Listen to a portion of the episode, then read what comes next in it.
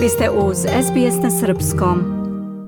Istoričarka ekonomije Klaudija Goldin dobitnica je Nobelove nagrade za oblast ekonomije u 2023. godini.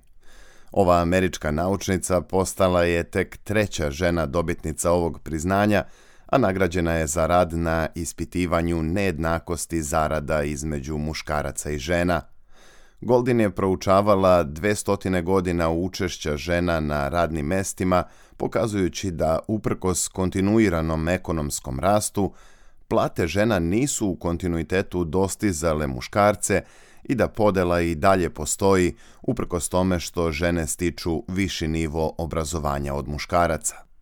Odluku o dodeli priznanja američkoj naučnici objavio je generalni sekretar Švedske kraljevske akademije nauka Hans Ellegren. The Royal Swedish Academy of Sciences has decided to award Sveriges Riksbanks Prize in Economic Sciences in memory of Alfred Nobel 2023 to Professor Claudia Goldin, Harvard U University, USA.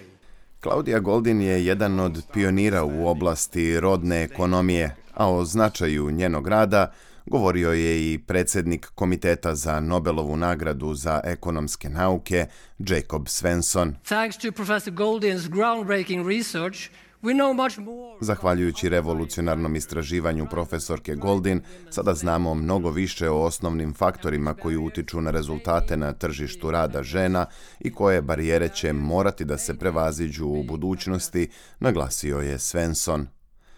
Knjiga profesorke Goldin iz 1990. godine pod naslovom Razumevanje rodnog jaza, ekonomska istorija američkih žena, imala je izuzetan uticaj na istraživanje korena rodne nejednakosti u platama. Takođe, ona se bavila i studijama o uticaju kontraceptivnih pilula na poslovnu karijeru žena, kao i o odlukama žena o braku, odnosno prezimenima nakon udaje kao društvenom indikatoru i razlozima zašto žene danas čine većinu studenata na univerzitetima. Član komiteta za Nobelovu nagradu za ekonomske nauke Arandi Hjalmarsson kaže da otkrića Klaudije Goldin imaju velike društvene implikacije i da je ona to najbolje opisala. Claudia Goldin's discoveries have vast societal implications. Ako konačno shvatimo problem i nazovemo ga pravim imenom, moći ćemo da krenemo napred boljim putem. Profesorka Goldin nam je pokazala da se priroda ovog problema ili izvor jaza među polovima menja tokom istorije i razvoja društva, Značaj rada Goldinove naglašava i Ingrid Werner, profesor finansijske ekonomije i član komisije za Nobelovu nagradu. I think it's important to that uh, understanding Werner smatra da je važno naglasiti da je razumevanje učešća žena u radnoj snazi i njihovog potencijala za zaradu od neverovatne važnosti za društvo, jer ako su žene na neki način sprečene da učestvuju ili učestvuju pod nejednakim uslovima, onda gubimo u smislu veština, ponude radne snage i resursa koji bi mogli da promovišu rast i prosperitet. Nagrada za ekonomiju je posljednja od ovogodišnjih Nobelovih nagrada i vredna je 11 miliona švedskih kruna ili nešto više od milion i po australijskih dolara.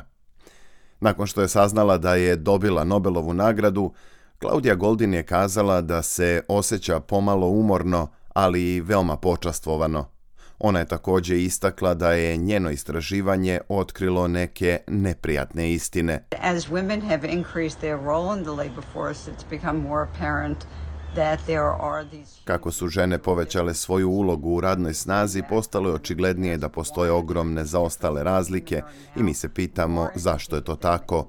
Žene su sada obrazovanije od muškaraca, više ih završava fakultete, a ide im bolje i u srednjoj školi. Zašto onda postoje te razlike, pita se dobitnica Nobelove nagrade. Ona je u svojim istraživanjima otkrila i da u razvijenim ekonomijama sveta postoji veliki rodni jaz u platama.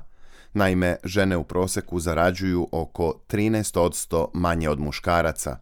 Profesorka Goldin se nada da će njen rad pomoći da se podstaknu promene. And we realize that these differences, although some are found within the labor market, Iako su neke od ovih razlika na tržištu rada, one su pre svega odraz onoga što se dešava u domovima pojedinaca. Žene često prihvataju poslove koji će im omogućiti da više vremena provedu kod kuće i brinu se o domaćinstvu, a to su uglavnom slabije plaćena radna mesta. Prema mišljenju profesorke Goldin, kako bi se to promenilo i krenulo ka većoj rodnoj ravnopravnosti, put je da se stvori više jednakosti između parova, zabeležio je Esamel Galib iz informativne redakcije SBS-a. Slušate program na srpskom. Ja sam Branko Cvetojević. Želite da čujete još priča poput ove? Slušajte nas na Apple Podcast, Google Podcast, Spotify ili odakle god slušate podcast.